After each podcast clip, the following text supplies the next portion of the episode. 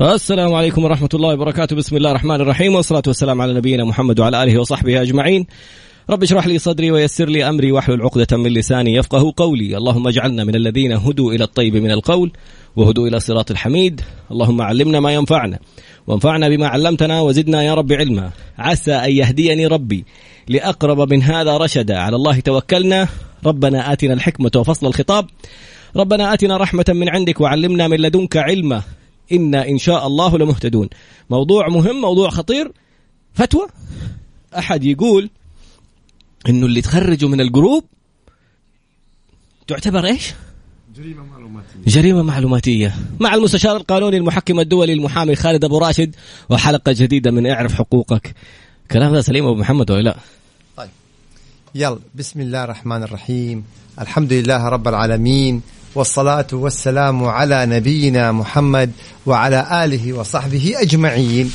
في البداية طبعا أهلا وسهلا بك يا طراد وبكل مستمعي Mix FM وبكل أحبائنا اللي بيتابعوا معنا عبر مختلف وسائل التواصل. ونتمنى إن شاء الله تعالى تكون حلقة مفيدة ومثمرة بإذن الله. ثانيا إحنا عندنا مبدأ. آه نتفق نختلف يبقى الاحترام هو الأساس. فكل الاحترام والتقدير لكل الزملاء اللي يعني بي- بيجتهدوا بيعطوا آراء قانونية. أكيد الاحترام يعني هذا شيء أساسي وسواء اتفقنا أو اختلفنا فاتفاقنا واختلافنا بيكون في الجزئية القانونية اللي فيها الاختلاف ويبقى الاحترام هو الأساس وهو المبدأ اللي إحنا بنتناقش عليه. طيب آه مؤخرا انتشرت آه استشارة قانونية أو فتوى قانونية أنه الإخراج آه العضو آه جروب الواتس أو إبعاده أو طرده من المجموعة يعتبر جريمة معلوماتية وكانت هي فتوى قانونية لأحد الزملاء. جميل جدا. استن استند هذا الزميل على المادة الثالثة من نظام مكافحة الجرائم المعلوماتية وتحديدا الضرر إنه يعني كل من يلحق بالآخرين ضرر من خلال وسائل التواصل تعتبر جريمة معلوماتية العقوبة تصل إلى سنة سجن بحد أقصى 500 ألف ريال بحد أقصى أو إحدى هاتين العقوبتين. إذا الزميل استند على كلمة الضرر وعبر وسائل التواصل فذكر إنه إذا العضو أثبت الضرر تصبح جريمة معلوماتية. مين عضو؟ طيب عضو الجروب. okay. تمام. هنا الآن إحنا عندنا عدة تساؤلات لمناقشة هذا الأمر بالمنطق. لا يعني أني أنا في الإذاعة أني أستفرد برأيي أطراد. إحنا نتناقش ونتقبل جميع الآراء. أنا عندي عدة أسئلة. أول سؤال. هل صدر حكما في السابق ب أو على شخص بجريمة معلوماتية كونه أخرج عضو من الجروب. وش الميزة في أنه صدر؟ هل سبق وانه صدر حكم؟ برافو عليك يا طلال. لأنه إذا صدر حكم يبقى خلاص. هذه سابقه قضائية والقضاء حكم. مم. يبقى ده كلام سليم. طيب نظام مكافحة الجرائم المعلوماتية عدى عليه سنوات. هل صدر حكم قبل كده؟ لا واحد. اثنين هل النيابة العامة أصدرت بيان أو مثلا تغريدة أو توضيح أن الذي يخرج عضو من الجروب الواتس يعتبر جريمة معلوماتية؟ مم. لا. إحنا دائما بنشوف النيابة دائما بتحذر سوت عملك. للتحرش اللي يعمل كذا تحرش يعمل كذا جريمة معلوماتية. يعني إلى آخرها مثلا ما تكلمنا في التعليم والطلاب ينطبق عليهم نظام الأحداث. النيابة سوت بيان. طيب لا عندنا حكم سابق ولا عندنا آه، بيان من النيابة يوضح هذا الأمر. اذا المسألة إيش؟ اجتهاد. اجتهاد. واقعيا واقعيا إحنا لنا وجهة نظر مختلفة أن هذا الاجتهاد كان مبالغ فيه جدا جدا جدا. بالثلاثة. لسبب بسيط وهو معنى هذا أن العضو سوف يبقى في الجروب مدى الحياة لأن لا يستطيع عضو المشرف أنه يبعد هذا العضو معناته أنه حيبقى مدى الحياة وهذا أمر غير واقعي اثنين لو ما أن ما فهمت كل إيش يعني إيش يعني مدى الحياة؟ ما هو أنا اليوم إذا أخذنا بمبدأ إني أنا ما أقدر أبعد العضو العضو أو. ما أقدر أطرد العضو okay. آه لأنه معناها جريمة معلوماتية okay. طب ما حأقدر طب معناته العضو حيجلس مدى الحياة في الجروب بالضبط. سوى ما سوى غلط ما غلط. حيبقى مدى الحياة. فإذا هذا أمر فعلا نجد إنه هو غير واقعي غير واقعي إنه كل رئيس جروب أو مشرف جروب يعني يبعد عضو في الجروب معناته أيضا أصبح جريمه معلوماتيه هذا يعني اجتهاد حقيقه يعني مبالغ فيه جدا جدا. حتى لو أخذنا كلمة والله إنه يعني آه الضرر يعني هي المسألة لابد إنه يكون في خطأ. وسبب وضرر. خطأ يخالف النظام. ثم السبب ثم الضرر. هل إبعاد العضو فيه خطأ يخالف النظام؟ مم. لما إحنا نتكلم عن الضرر الزميل استند على الضرر. جميل جدا. طيب إحنا قلنا الضرر أو التعويض لازم ثلاثة عناصر. يكون في خطأ في تسبب سبب بضرر. في ضرر. طب لما انت تقول والله أنا تضررت أنت تضررت. أين الخطأ؟ هل إبعاد عضو خطأ؟ طب هذه صلاحية من صلاحيات مشرف الجروب. وإنت انضميت إلى الجروب وتعلم وقبلت بهذه الصلاحيات وهذه الشروط. فكيف إذا أخرجك تقول أنا والله تضررت وترفع جريمة معلوماتية.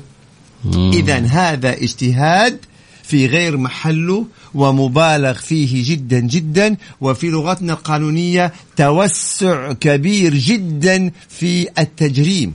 وقس على ذلك.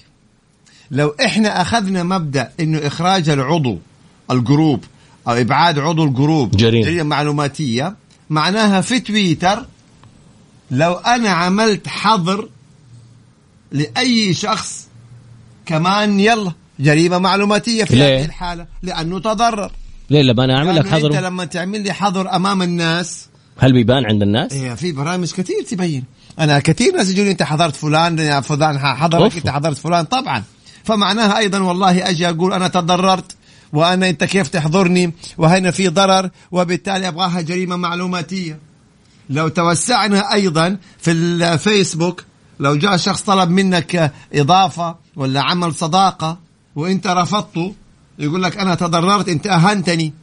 ورفضت طلبي. كمان ابغاها جريمة معلوماتية. أنا افتحها للناس كلها ما شاء الله. أيوه. فاذا للأسف الشديد آه هو توسع مبالغ فيه جدا جدا باقي في واحدة. التجريم واجتهاد في غير محله فلا إخراج أو إبعاد عضو الجروب يعتبر جريمة معلوماتية ولا إذا عملت حظر في تويتر لشخص يعتبر جريمة معلوماتية ولا إذا رفضت آه، يعني شخص طلب منك صداقة ولا قبول ولا كذا رفضته يعتبر جريمة معلوماتية. ولا يمكن أن نقول والله المادة الثالثة قالت إذا كان هنالك ضرر عبر وسائل التواصل. ما الض- لازم قبل الضرر يكون فيه خطأ. الخطأ إذا نتج عنه ضرر نيجي في التعويض والعقوبة. فأين الخطأ عشان نتكلم عن الضرر؟ إحنا ما نيجي نمسك الضرر ونترك الخطأ. مم. وبعدين هنا برافو شوف الزملاء وال- والاساتذه والشباب بيتابعوا معانا. الموافقة على سياسة الحقوق في الجروب في في الواتس. هي قبول. فأنت لما تدخل في جرو- جروب وتنضم لجروب تعلم أن من صلاحيات المشرف الإبعاد. هذه صلاحية أعطاها الواتس لكل مشرف. إذا أنت قبلت طب لما أنت قبلت إنك تكون عضو وتعلم أن المشرف من حقه الإبعاد. لما يبعدك تيجي تقول لي جريمة معلوماتية؟ هل هذا معناها يعني آه، مدى الحياة آه، يعتبر؟ هنا يقول اللي يضمك للجروب بدون إذن هذه مشكلة لا لا ليست جريمه لأنه من بإمكانك تخرج من الجروب بكل بساطة. وتحظر الجروب لذلك أتمنى من الزملاء القانونيين يعني وإن اختلفنا في الرأي لكن مسألة التوسع المبالغ في التجريم يعني إحنا نختلف وهذا أمر غير مقبول فلا يمكن أن نمسك بكلمة ضرر ويلا ونطلقها. وبعدين حتى الضرر يعني يقاس يقدر. لما تقول لي إيش الضرر؟ والله تضايقت انكسر خاطري.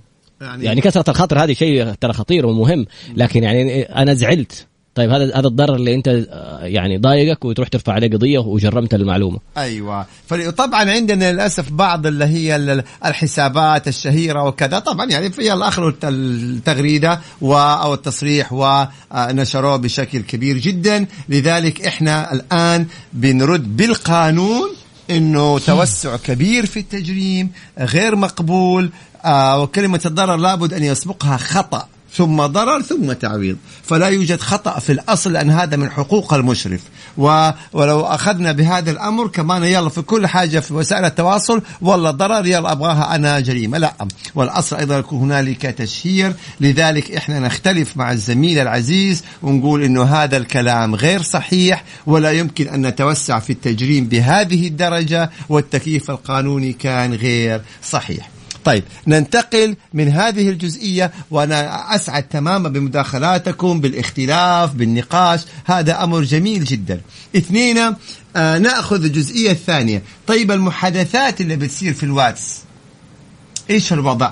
يعني أنا لو أخرجت أو آه، آه، أبعدت عضو أو طردت عضو وذكرت في الجروب الواتس والله لأنك آه، أسأت إلى فلان أو لأنك أنت تلفظت بكذا أو لأنك كذا وكذا وكذا فسوف يتم إبعادك من الجروب. كمان حتجربون هذه جريمة معلوماتية.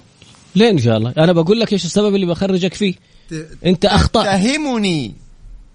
وفي الجروب أمام الجميع. وتقول لي فين الجريمة؟ هنا اختلف الوضع. أشكر السؤال الأستاذ الكريم اللي بيقول هنا ما فيها ضرر. الجرائم المعلوماتية لا تت لا تشترط ضررا. أغلب الذين تم صدور أحكام بشأنهم ما كان يمكن في أضرار من الآخرين. الجريمة المعلوماتية لا تشترط الضرر. الضرر حاجة إضافية. خير خير وبركة. بمعنى اليوم لو أن أحد سب في تويتر جريمة ولا مو جريمة؟ طبعا جاوبني جريمة م. هل يشترط الطرف الثاني يثبت الضرر؟ لو اتهمت شخص ما في وسائل التواصل جريمة ولا مو جريمة يا طراد؟ طبعا هل هل نستنى الشخص الآخر يثبت الضرر؟ يعني الاتهام القذف القذف التشهير لو انت شهرت بواحد فلان مسكوه فلان عمل كذا فلان كذا التشهير برافو. هل يشترط الطرف الآخر ضرر؟ ولا جريمة على طول؟ طبعا جريمة. كلها جرائم على طول. جميل جدا. لما تأتي في الجروب الجروب هذا عبر النت ولا مو عبر النت؟ مم. حلو. يشمل النظام ولا ما يشمل النظام؟ يشمل طبعا. يشمل النظام. لما أجي أقول فلان قام بكذا وكذا وكذا وبناء عليه طردناه من الجروب. أنت اتهمته ولا ما اتهمته؟ طب استنى يعني الآن مو هي هذه كذا وكذا وكذا عملها ولا ما عملها؟ عملها. طيب. اتهمته ولا ما اتهمته؟ لا أنا قلت اللي هو سواه انت قاضي؟ أنت قاضي؟ أوكي. عملها؟ روح اشتكيه في النيابة. أوه يعني جريمة معلوماتية. بس عشان قلت إنه فلان عمل كذا دخلت في تشهير؟ في جريمة معلوماتية. لأنك اتهمته هذا واحد وشهرت به عبر كل أعضاء الجروب. أصلا أنا ما أحب الواتساب. يعني هل تعلم إنه عندنا أو عدت علينا بحكم العمل كثير من القضايا بسبب الإساءات عبر الجروبات. أوف. وليس عبر تويتر أو يعني الفيسبوك أو كذا أو كذا. فاحذروا. فاحذروا. فرق بين إبعاد عضو الجروب ليس بجريمة معلوماتية وأعطيتها التفصيل القانوني والأمثلة والتشبيه. ولا سبق إنه صدر حكم ولا في بيان من النيابة والتوسع قلنا غير مقبول ومبالغ فيه جدا جدا جدا. يعني غير واقعي. ولكن أن تسب إنسان في جروب أو أو تشتم إنسان في جروب أو تتهم إنسان بجروب أو تشهر به في جروب وبعدين تبعده هي جريمة معلوماتية. ليست على الإبعاد ولكن على الاساءه اللي أنت عملتها في الجروب. عاد شفت آه، ضمن آه، سب أو ضمن آه، قذف أو ضمن اتهام أو تشهير هنا تكون الجريمة. هنا بيقول طيب آه، تكون نفس عقوبة الجريمة المعلوماتية؟ بالضبط نفس عقوبة لأن هي ينطبق عليها نظام مكافحة الجرائم المعلوماتية. بالعكس أنت شكرا لكم للمتابعة. فهنا والله. أتمنى أنه نكون فصلنا. لماذا إبعاد عضو الجروب ليس بجريمة؟ وضحت التفاصيل. مم. لا توجد أحكام سابقة. لا توجد بيانات من النيابة آه وضحت هذا الأمر. آه ما توجد أي قضية في هذا الأمر سابقا. وواقعيا طبعا آه غير مقبولة توسع كبير جدا. آه أيضا أخذنا ان هم أخذوا بالضرر وما أخذوا بالخطأ. لازم أول شيء يكون في خطأ حتى إحنا إيه نطالب بالضرر ومن ثم العقوبات. وأيضا لو قسنا على هذا معناها حتى عمل حظر أو block في تويتر. يا خلاص يلا كله يصير يعتبر جريمة. ولا إذا إنت رفضت صداقة أحد طلبها منك في الفيسبوك يعتبر جريمة. فهذا توسع غير مقبول ابدا ابدا. ووضحنا العكس. إنه إذا أحد أساء لأحد في الجروب ثم أبعده فالإساءة هي اللي عليها الجريمة يطراد والله في, في سؤالين جدا مهمين. أحد المشاهير ما. شاء الله الأستاذة جوهانا بتتابع الآن. وسالت سؤال تقول لو أنا قلت إنه صار لي ضرر من مكان بس بدون ما أذكر اسم المكان. جميل. أهم شيء مم. أن الذي يتابع ما يعرف هذا المكان. طب كيف أعرف إنه اللي يتابع؟ أيوه كلامك. مم. يعني أنا ممكن أقول مثلا والله آه فلان آدمي اساء لي هو أنا ما قلت اسمه بس قلت منصبه. طيب ما هو إذا أنت قلت منصبه تعرف عليه. لما تنتقد جهة مثلا أو تشير إليها بإشارة. لا تح... لا تتحدث عن أي معلومة تمكن المتلقي من معرفتها. مم. حتى لا تدخل في جريمة معلوماتية. أنا ما أقول والله مذيع اساء لي ما حجيب اسمه بس هو يطلع في Mix FM يوم الخميس الساعة 2 الظهر مع خالد أبو راشد. بس ما قلت اسمه. أول حرف من اسمه خالد أبو راشد. الله طيب ما إحنا كده يعني دخلنا في جريمة معلوماتية. إذا ننتبه مم. إننا لا, نتح... ما نتطرق لأي معلومة تدلنا على شخصية ال- الجهة أو كذا. يا طراد يا خالد. لا أنا قلت يطلع مع خالد أبو راشد مين يطلع معي الا يلبسني تهمه مو كفاية طبعاً. أنا ماني راضي أرد عشان كل ما أقول كلمة يحمل لي غدا. اليوم أنا عازمكم يلا آه. رايحين إن شاء الله مكان جديد. طيب إيش باقي كمان؟ أنا. اليوم. إن شاء الله. والله لا تدفع يا طراد. هدفع. ما أنا دفعت الأسبوع اللي فات. خلاص. أنا استنى استنى استنى. نسيت أجيب الفاتورة. طلعت الآن؟ استنى. وطلعت الان قلت اليوم حتدفع؟ أيوة. هي حتدفع اليوم. هو وأنت حدفع اليوم. في المحزومين لا لا لا لا اليوم أنا عازمكم في خلي امضى استنى استنى هياط إيه؟ الأسبوع اللي فات فين كنا؟ طيب خلاص. فين كنا؟ فراد الموضوع. لا ما هو دعاية، لا مو دعاية. live live live لا مو. دعاية بس طيب. يعني اي لما يجي الموضوع فيه حق فجأة تقول لي live وتسوي لي مدري مين. طيب. سؤال ثاني. مم. واحد وزوجته بيتحادثوا محادثه مم. فجأة الرجال يعني متعدد. ففجأة لقي المحادثات في جوال زوجته الثانية تقول له جاني من رقم غريب. يعني هل مثلا في تجسس؟ هنا السؤال. هل هذه جريمة؟ الآن الرقم نعم. مم. كل من يتنصت باستخدام طبعا أكيد برامج التنصت على الآخرين حساباتهم جوالاتهم هي جريمة معلوماتية نص عليها النظام. انتبهوا اللي عنده برنامج من خلال هذا البرنامج يتنصت على الآخرين بحيث إنه مثلا المكالمات اللي تجيهم تجي أو الرسائل اللي تجيهم تجي أو المحادثات تطلع. ولا شريحة حتى, إضافية. حتى وإن كان بين الزوجين. أوه. حتى وإن كان بين الزوجين. فهو جريمة معلوماتية. فيها من السجن وفيها من الغرامة. حتى لو كان بين الزوجين. تقول لك والعكس صحيح. حتى لو رجل امرأة امرأة رجل. بالضبط بالضبط. نظام مكافحة الجرائم المعلوماتية لم يستثني قرابة علاقة ما أستثنى. تنصت على جوال غيرك أو على حساب غيرك أنت ارتكبت جريمة معلوماتية. مهما كانت الأسباب. والمبررات. فهذا سؤال مهم ونشكره على هذا السؤال. لا. طيب. جميل. يقول طيب لو كان اللي بيتنصت من حساب وهمي طالما ثبت انه أنه تنصت خلاص وقعت الجريمة على فكرة الحساب الوهمي أو الر- الأرقام اللي تكون بأسماء أعمالها وانتهت آه، صلاحية الشريحة وجالس يشتغل على الواتساب فقط صور. الشاشة وبلغ عن طريق كلنا أمن بلغ عن طريق مركز الشرطة الحكومة عندها القدرة إنها تحدد موقع الجوال وصاحب الجوال وشغال الجوال. في حاجة اسمها اي بي ادرس الين إلين حدك إلين مكانك. يعني يقول في الغرفة الفلانية البني آدم مو في البيت الفلاني. فالموضوع الكترونيا وتكنولوجيا يعني سهل الوصول إليه. أنت أعرف حقك عشان لما توري الناس إنك فاهم إنك حتاخذ حقوقك وحتبلغ فجأة تشوف تعاملات مختلفة كله ينعدل معك طيب اللي زوجته تسكر السماعة بوجهه وكررتها مرتين. يكلم أبوها.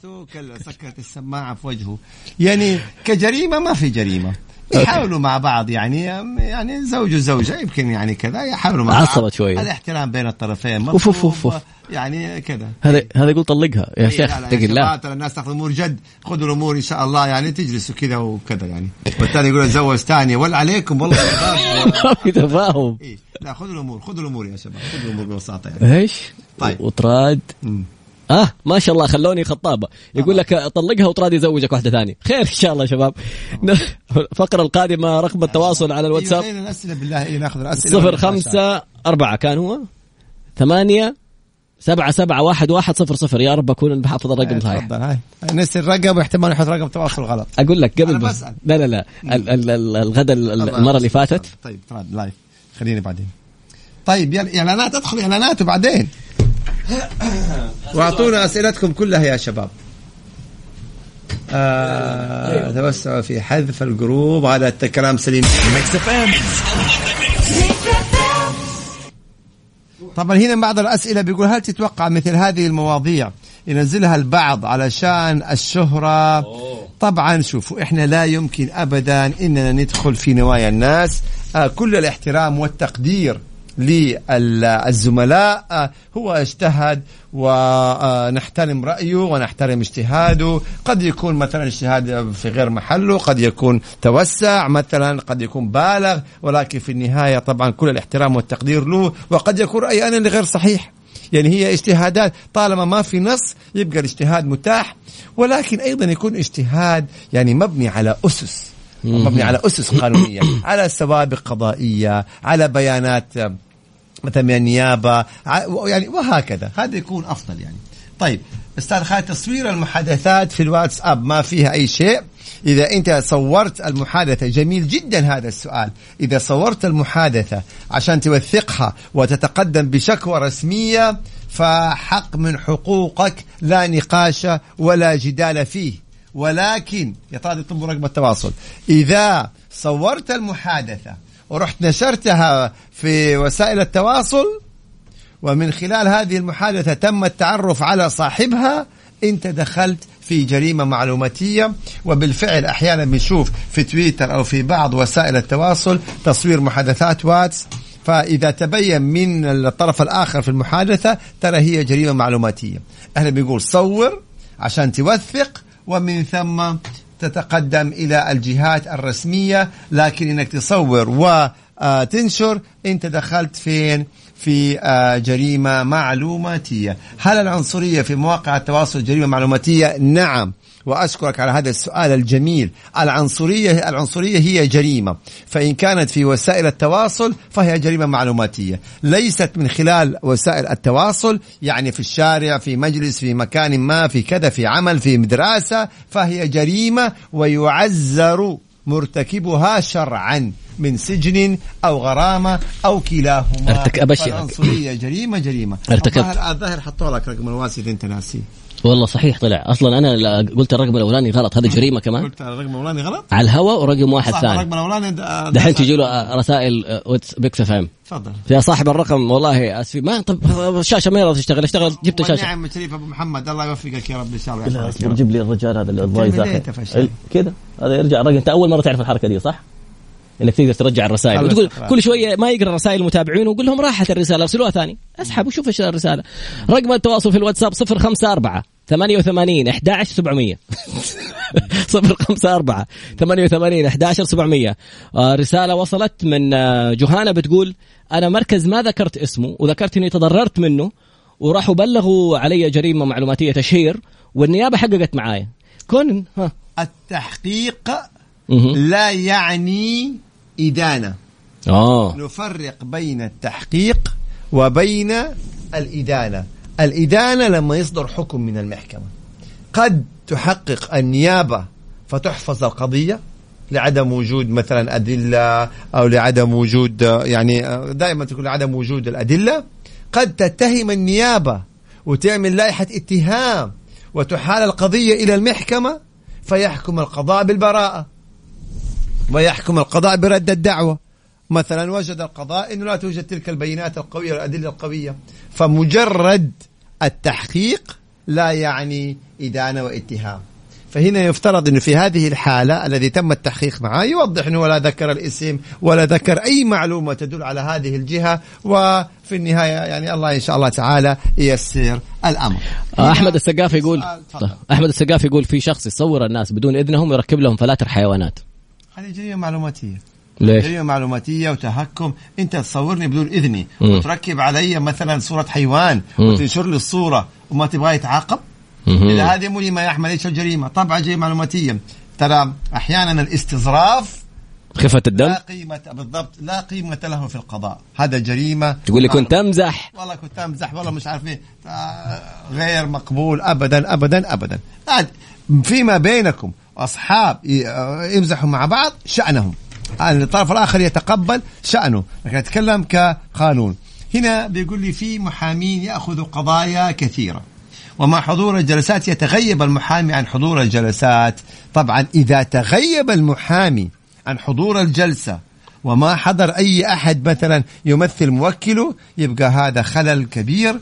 وهذه مخالفة لنظام مهنة المحاماة. ومن حق العميل أن يتقدم بشكوى ضد هذا المحامي الذي تغيب عن الجلسة دون سبب مشروع. يعني أنا وكلتك محامي أنك أنت تحضر نيابة عن الجلسات فتيجي تتغيب؟ طب ما أنا وكلتك على أي أساس؟ وماذا لو صدر علي حكم غيابي بسبب هذا التغيب؟ متى يصدر حكم غيابي؟ علي أمر قبض على حسب طبيعة القضية مثلا بسبب هذا التغيب؟ ماذا لو فات حقي في الدفاع بسبب هذا التغيب. هذه مسألة خطيرة. يعني ما عاد تطلع الرسائل رجعنا الرسائل خلاص روح بس كذا. اي الله أكبر. هذا هو. طيب. فهذا بالنسبة للرسائل مراجع جاني للمكتب وسبني وشتمني. هل أرفع عليه قضية؟ هذا العنزي طبعا. إذا إنسان جاء إليك وسبك وشتمك إذا هذه جريمة يعزر على صاحبها شرعا يعزر صاحبها شرعا من سجن أو غرامة أو كلاهما. هل التسجيلات الصوتية للمكالمات الصوتية تعد جرائم؟ آه عبد الكريم. طبعا هنا نفرق إذا كان بعلم الطرف الآخر أم لا. يعني أنت اليوم لما تتصل مثلا على شركات الاتصالات بيقول لك جاري تسجيل المكالمة. لما بتتصل على البنوك بيقول لك جاري تسجيل المكالمة. لما تتصل على كثير من الجهات يقول لك جاري تسجيل المكالمة. هنا لا توجد جريمة. ليه؟ لأنه آه أنت يعني تم إخبارك أنه ترى المكالمة مسجلة. إذا أنت في بيتك حاطط هذا المسجل أو في جوالك بتسجل المكالمات دون استخدامها شأنك. لكن إذا سجلتها وتقدمت بشكوى رسمية أيضا ما عندنا مشكلة. طالما هو اتصل على جوالك أو هو اتصل على بيتك وانت حاطط في بيتك. ولكن إذا استخدمت برنامج يعني تنصت على مكالمات الآخرين وتسجيلها هنا بتكون الجريمة. لكن إذا الناس بتتصل عليك وأنت تليفون بيتك فيه مسجل على طول؟ كيفك؟ جوالك يسجل على طول؟ شأنك؟ بس آه، تتنصت على الآخرين باستخدام برامج طبعا هذه على طول حتكون جريمة معلوماتية.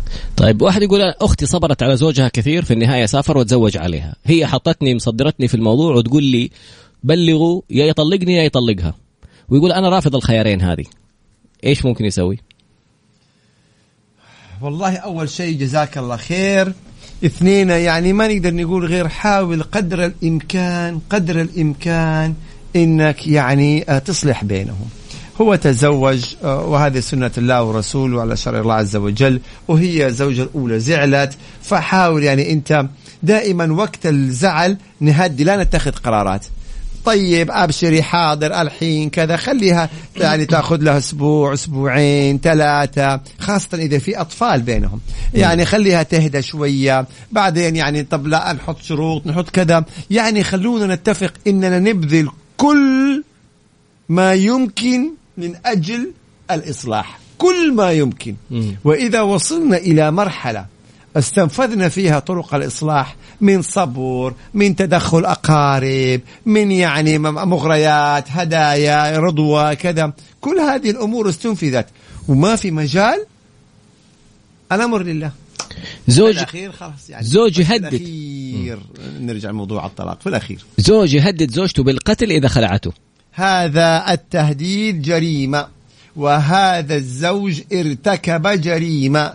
كل إنسان يهدد إنسان بالقتل مهما كان السبب مزح ومهما مو كانت مزح. القرابة ومهما كانت المبررات. التهديد بالقتل جريمة توجب على صاحبها التعزير. شرعا يطرد. من سجن أو غرامة أو كلاهما. لا مبرر للتهديد بالقتل. لا مبرر للتهديد بالقتل. أبدا. يقول لك شخص حولت على حساب مؤسسة طلع الرقم غلط وأنا ما أعرف مين صاحبها. فين أروح؟ إيش أسوي؟ يعني يتقدم بدعوى قضائية ضد صاحب الحساب ويطلب إعادة ال- المبلغ. فيتقدم بشكوى إلى الشرطة. يقول أنا حولت المبلغ هذا على هذا الحساب. أطلب آه، يا شرطة متابعة هذا ما الحساب. يراجع البنك؟ ال- طبعا إذا رجع البنك بالفعل واعطى له المعلومات يرفع قضية في المحكمة. أنت بتقول لي إنه ما يعرف له صاحب. ويمكن يعني حط رقم. ما أعطاه معلومات. حط رقم بالغلط إذا وراح راجع البنك واعطى له معلومات صاحب الحساب قضي الأمر. يقدم دعوة ضد صاحب الحساب. قضي الأمر. إذا البنك قال له والله ما أقدر أعطيك معلومات. مم. صاحب الحساب. إيش عمل يروح للشرطة ويقول أنا حولت مبلغ يا شرطة خاطب الجهات الرسمية خاطب البنك المركزي خاطب بكذا في قضية ضد الحساب هذا زودونا بمعلوماته علشان نحولها بس في البداية نعم يتواصل مع البنك. لأنه أحيانا بعض البنوك تقول لك أنا ما أديك هذه حسابات آه، سرية ما يدي معلومات عنها.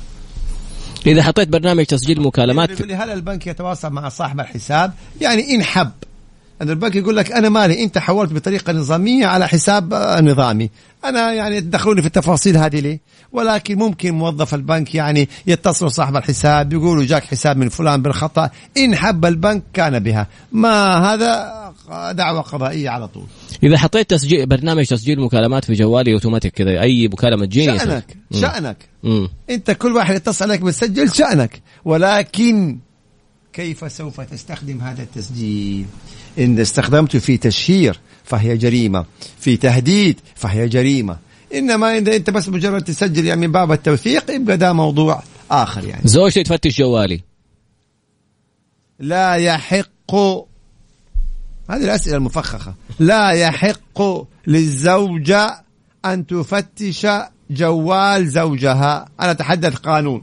ولا يحق للزوج أن يفتش جوال زوجته. حتقول لي هذا زوج من حقه هذه الزوجة تحدث بالقانون. نظام مكافحة الجرائم المعلوماتية لم يفرق. بعدين هنا يقول لك الزوجة لازم تفتش. والله أنا قلت وبعدين أنت أموركم فيما بينكم يعني حلوها فيما بينكم. لكن نظاما هذه خصوصية والقانون حمل خصوصية ولا يحق لشخص أن يفتش جوال الشخص الآخر. برضاه مم. أنا أنا أنا شأنهم نصيحة بس بطل لغة لكن عربية بدون رضاه. كيفهم؟ يعني آه، واحد يقول ما تستفيد أي. من التنمر. العام الأسبوع الماضي تنمرت علي. وقلنا فيها قضية وفيها حق. الآن بتتنمر علي وتتهكم على اللغة العربية. يعني أنا بأنصحك. كل مرة نصيحة طب أسمع أنا أنا حسوي حل. وعبر وسائل التواصل. دخلنا في جريمة معلوماتية. ومن خلال إذاعة. أنظمة وقوانين وزارة الإعلام مم. أنت تهكمت على ضيفك. أنت كل مرة ثلاثة جرائم؟ طب يعني شوف ال- اللي اللي يسمع كذا لغة أخي يا أبو راشد وأنا شاهدة. والله إني كفر على طول كذا؟ على. معززين. أنا أنا حسوي حل. إني ح... أح- يعني كلهم بيقولوا اشتكيه شكرا شكرا. أقول لك أنا بعد كده ح- خلاص أنا عارف إنه أخرتها إنه كل الغداء علي فأنا حقول لك ال- الغداء في وهنا الحلقات. أيضا لدينا شاهدة أخرى. روح على طول. والله break، break، break،. break، break. أصبر في شهود كثير الله يبارك فيكم يا رب إن شاء الله. يتنمر و... اعلانات اعلانات قفل يقول اعلانات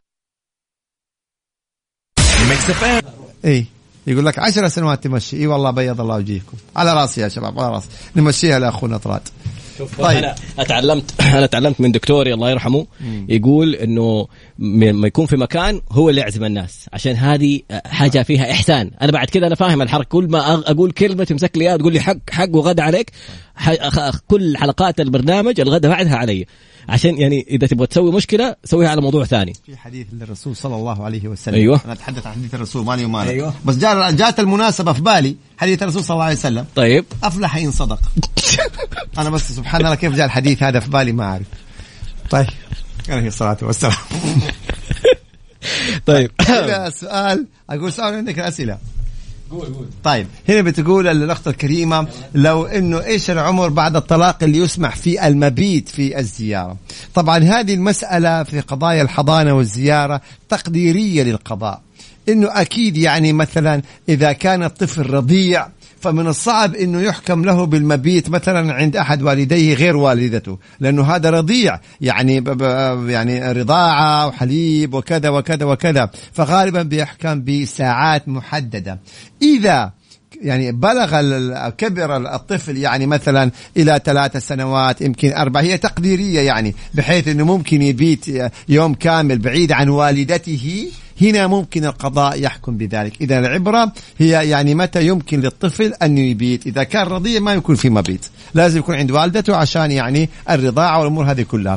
إذا كبر شوية يعني بحيث أنه ممكن أنه هو خلاص يعني بات برا يعني ثلاث سنين أربع سنين خمس سنين. ها ممكن في هذه الحالة يحكم له بالمبيت. شكرا يا ريهام. تقول أخلاق الكبار يا طراد يعني ما نرد.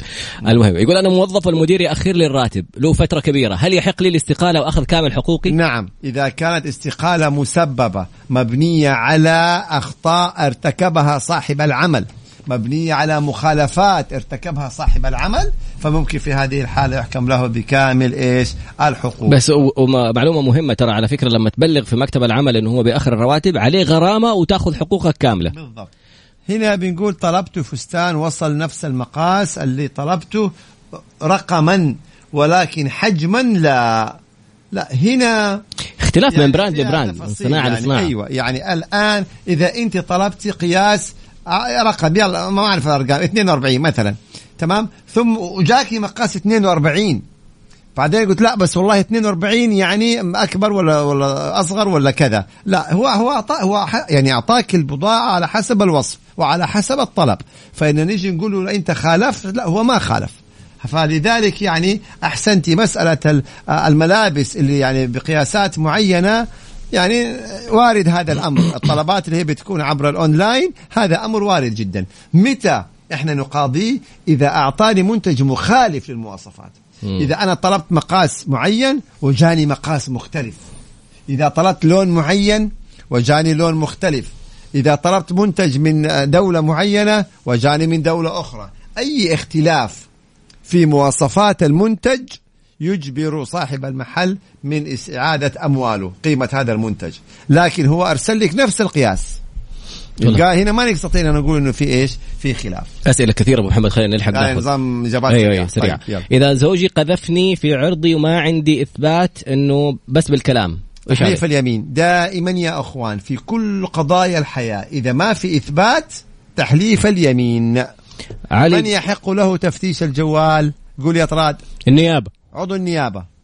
عضو حد- النيابة هو الذي له الحق في تفتيش الجوال. حتى النيابة. الشرطة لما يقول لك يطلبك الجوال هو من حقه يحرز الجوال ياخذ الجوال بس ما يفتحه. يحرزوا ويحولوا على النيابة. عضو النيابة هو الذي يفتش. هل- فإن وجد عضو النيابة في الجوال أثناء التفتيش حتى لو في قضية معينة ثم اكتشف مقاطع إباحية. مقاطع أخرى مم. ممكن يعمل لك قضية مستقلة بسبب هذه المقاطع. أنا بقول بس. نظف جوالك. هحط لك فيديو بعد البرنامج إن شاء الله انتبه عليه.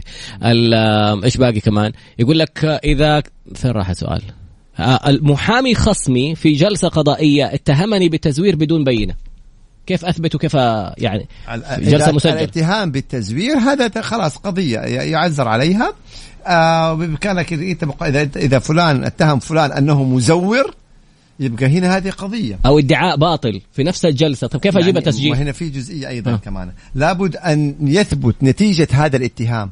ما ممكن يكون رافع قضية تزوير. طيب. وبالتالي رافعين دعوة تزوير ضد شخص اتهمناه بالتزوير. مهم. هنا يتم النظر في هذه القضية. فإن ثبت أنه مزور. خلاص طب إذا كان هذه اتهام قضية. باطل كذا كيف؟ إذا كان الاتهام باطل فمن حق المدعى عليه اللي تم اتهامه بالباطل أن يرفع دعوى تعزير ضد من اتهمه. كيف ألاقي التسجيل؟ أطلب من المحكمة؟ البينات. نعم يرجع للمحكمة. محاضر الضبط النص الدعوة لائحة الاتهام. المذكرات كل هذه نعم. كل هذه تعتبر من بينات الإيه؟ الإثباتات.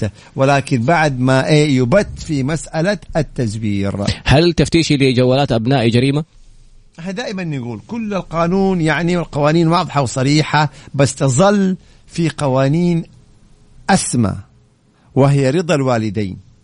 رضا الوالدين وطاعة الوالدين. هذا الأب الأب الأم لما بيحسنوا تربية أبنائهم ما نيجي نقول والله ما تمسك جوال ولدك والله لا أنت لا تأنب ولدك والله أنت لا تخاصم ولدك. لا هذا أب هذا أم هذه يعني إيش؟ القوانين أمامهم تقف أمام رضا الوالدين. طبعا في غير معصية الله عز وجل في غير إضرار جسيم هذه أمور أخرى يعني. لكن هذا الأصل أبوك وأمك. هذول فوق القوانين كلها. قطاع حكومي في وزارة آه، شخص ترقى لمنصب إداري وأنا في و... في إجازتي. فراح رفع طلب إنه أنا ما أحتاجها رجعوها لل... للإدارة القديمة. الإدارة القديمة قالت لي الآن ترجع تداومي فاهم ال- أيوه إحنا دخلنا في تفاصيل. شوف أوكي. إذا صدر قرار بشأنك ورأيت أن هذا القرار مخالف للنظام امم تقدمي بشكوى إلى وزير القطاع اللي أنت بتعملي فيه. امم فإذا حل الموضوع كان بها. ما حل الموضوع تتقدمي بدعوة إلى المحكمة الإدارية.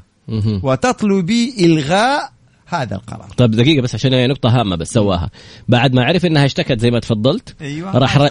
ر... جميل جدا. رجعها وحسب عليها غياب هي ما تعرف إنه رجعها رجعها لنفس القطاع القسم وح... وجاها فجأة إنذار غياب لأنها ما ما, دا... ما داومت في القسم الجديد. ما إحنا قلنا هنا التفاصيل يا طراد من الصعب أنا جايب عليها عن تفاصيل حيثياتها لكن أي قرار هي ترى إنه أصدر المدير مخالف أو غير صحيح تعترض عليه. في إدارة قانونية وفي مدير القطاع وفي وزير ال- ال- الوزارة وفي المحكمة الإدارية آه، تتظلم فيها بطلب إلغاء القرار. كل هذه الجهات لها الحق أنه هي تذهب إليها بالتسلسل. والله. سؤال جدا جميل. مرحلة. يقول مكتوب في في قطعة إنها ذهب في في أحد المواقع الإلكترونية. وبعد ما اشتريتها وشكلها على نفس التصميم لكن طلعت stainless steel مطلية ذهب ما هي ذهب حقيقي؟ كان في غش مواصفات غير صحيحة شكوى إلى وزارة التجارة. فورا. إذا بغ... يعني سواء هذا أو غيره إذا أنت أشتريت منتج وهذا المنتج فيه مواصفات ثم ت- أو الإعلانات ثم تبين خلاف ذلك تتقدم بشكوى إلى وزارة التجارة ضد من باعك هذا المنتج لأن هذا يندرج ضمن الغش.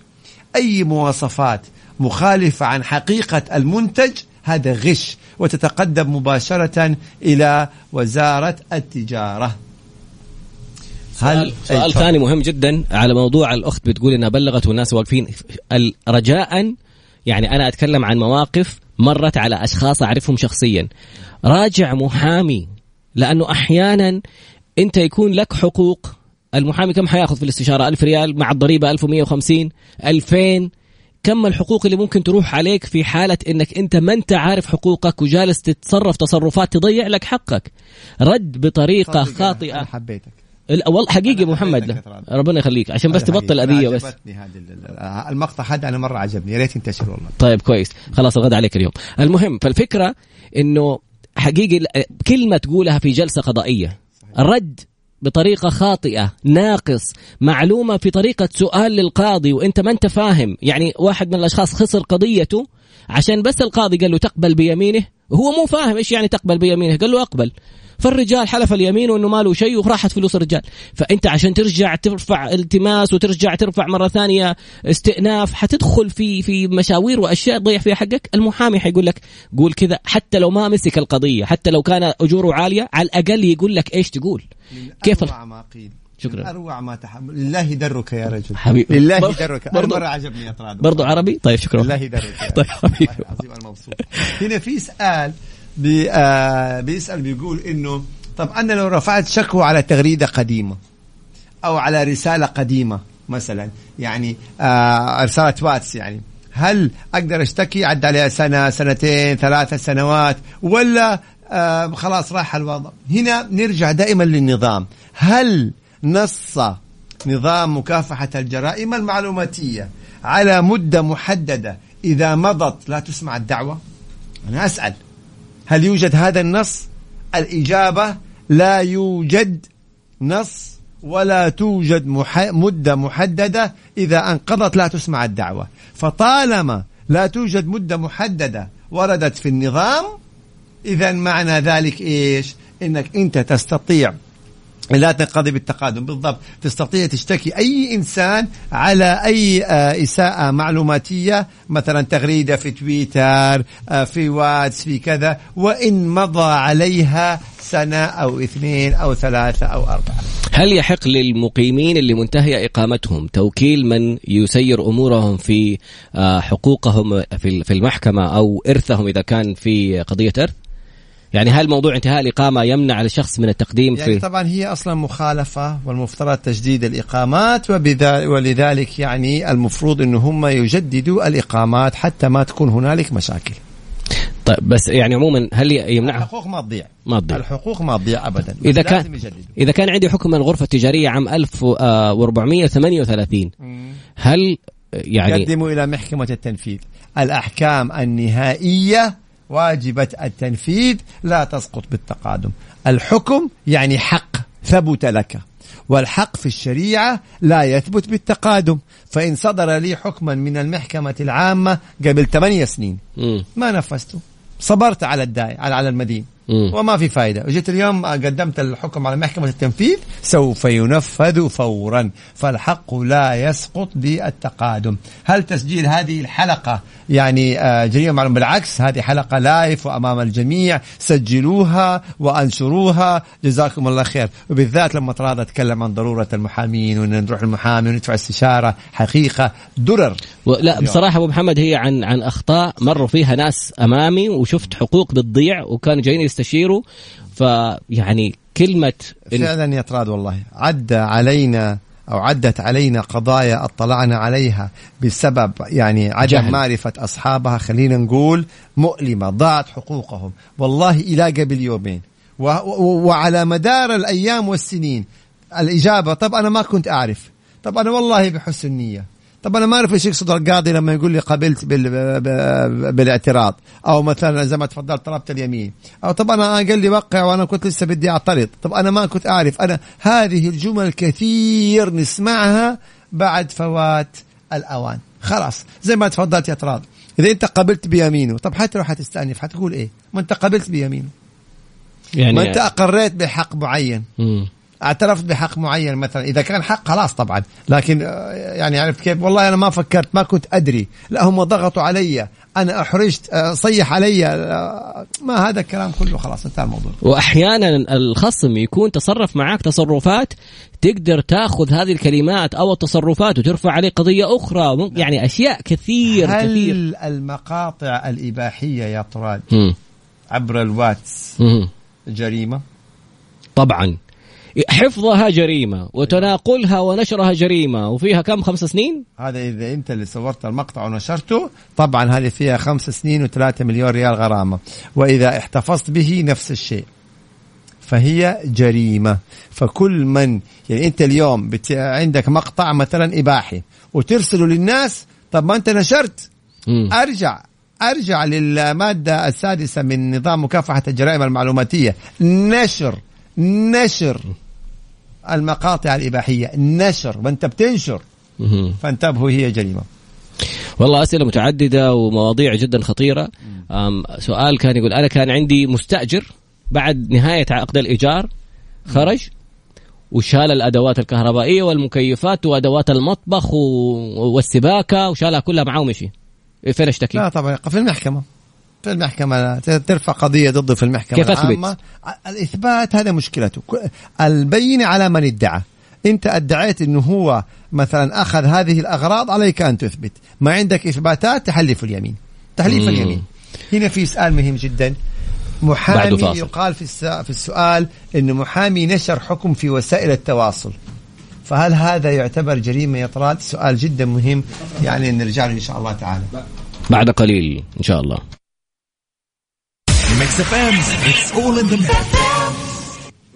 طيب السؤال اللي كان قبل الفاصل وهو أن أحد المحامين نشر حكما في وسائل التواصل في تويتر. فهل هذا يعتبر جريمة معلوماتية؟ هنا السؤال. أيوة ولا؟ الإجابة. كيف كذا الحبحب. الإجابة أيوة ولا. بالضبط كيف أيوة وكيف لا؟ إذا نشر الحكم بأسماء أصحابه أو بأسماء أطراف القضية فهي جريمة معلوماتية. بأي حق يتم نشر الحكم في وسائل التواصل والمحكوم عليه اسمه موجود وتشهير. فهنا جريمة معلوماتية. أما إذا لم ينشر أسماء أطراف القضية ولا أي معلومة تدل على أطراف القضية وإنما نشر مضمون ومحتوى الحكم للاستفادة فهذه ليست جريمة معلوماتية وإنما برافو. زي الشباب هذه سابقة قضائية إحنا نستفيد منها. فإحنا يهمنا انه القضاء كيف حكم؟ إيش الأسباب اللي أخذ بيها؟ الأدلة اللي أخذ بيها؟ هذا مبدأ قضائي وسابقة قضائية. فهذا جميل جدا للاستفادة والفائدة بشرط عدم نشر رقمها أو أسماء أطراف القضية أو ما أي معلومة تدل على يعني إيه أسماء أطراف القضية. يعني هذه بالعكس تكون فائده حتى لو صار إنه مثلا قضية رفعت وما انحكم فيها قلت مثلا إعلامي رفع قضية على قاضي مثلا. هذا خبر. طالما ما ذكرت أسماء خلاص. طالما ما ذكرت أسماء خلاص. هنا بيقول عدم ظهور بياناتها الشخصية. أحسنت. وعدم ظهور بياناتها الشخصية ببطاقه أحوال كذا. فهنا طبعا خلاص. قام بحذف التغريدة ما قام بحذف التغريدة نتكلم بصفة عامة يا شباب. بصفة okay. عشان الغداء okay. جبت لي وسواس في مخي. طب يا أخي قول عربي صح يا أخي؟ آخر سؤال حصلت؟ دقيقة. مشادة. أوكي. بعض السبق الإعلامي ينشر صورة مضللة تم القبض. هذه نظامية. طالما أن لو تلاحظوا أنتم دائما في المقاطع حق تم القبض لا يذكروا أسماء ولا بيجيبوا وجيه. بالعكس هم بيجيبوا يعني إيه خيال تغبيش كذا كذا كذا لكن إيه الهدف منها أن من يقوم بمثل هذه الأعمال سوف يتم القبض عليه. وهذه جريمة فهذا شيء طيب. إذا حصلت مشادة كلامية بين طرفين. وتم تصوير الحادثة من قبل أحد الأطراف يعني شخص ثالث هل أيوه. يعتبر جريمة معلوماتيه لا. إذا صورها فقط لا غير ما, ما هي جريمة. إذا نشرها هي الجريمة في النشر الجريمة في النشر. أنا اليوم بصور مدينة جدة بصور حي كامل بصور الشوارع وفجأة صارت مضاربة. أنا ارتكبت جريمة؟ لا طبعا. إلا إذا صورت في الأماكن الممنوع التصوير فيها. هذه مسألة أخرى أما إذا صورت وما نشرت فهنا لا تعتبر هو والله سؤال جميل الأخير هو آخر سؤال حنختم فيه يقول زميل لي رفع قضية على جهة العمل وكسب القضية في المحكمة الإدارية هل يحق لي الاستناد على حكمه في إني أطالب بنفس حقوقه؟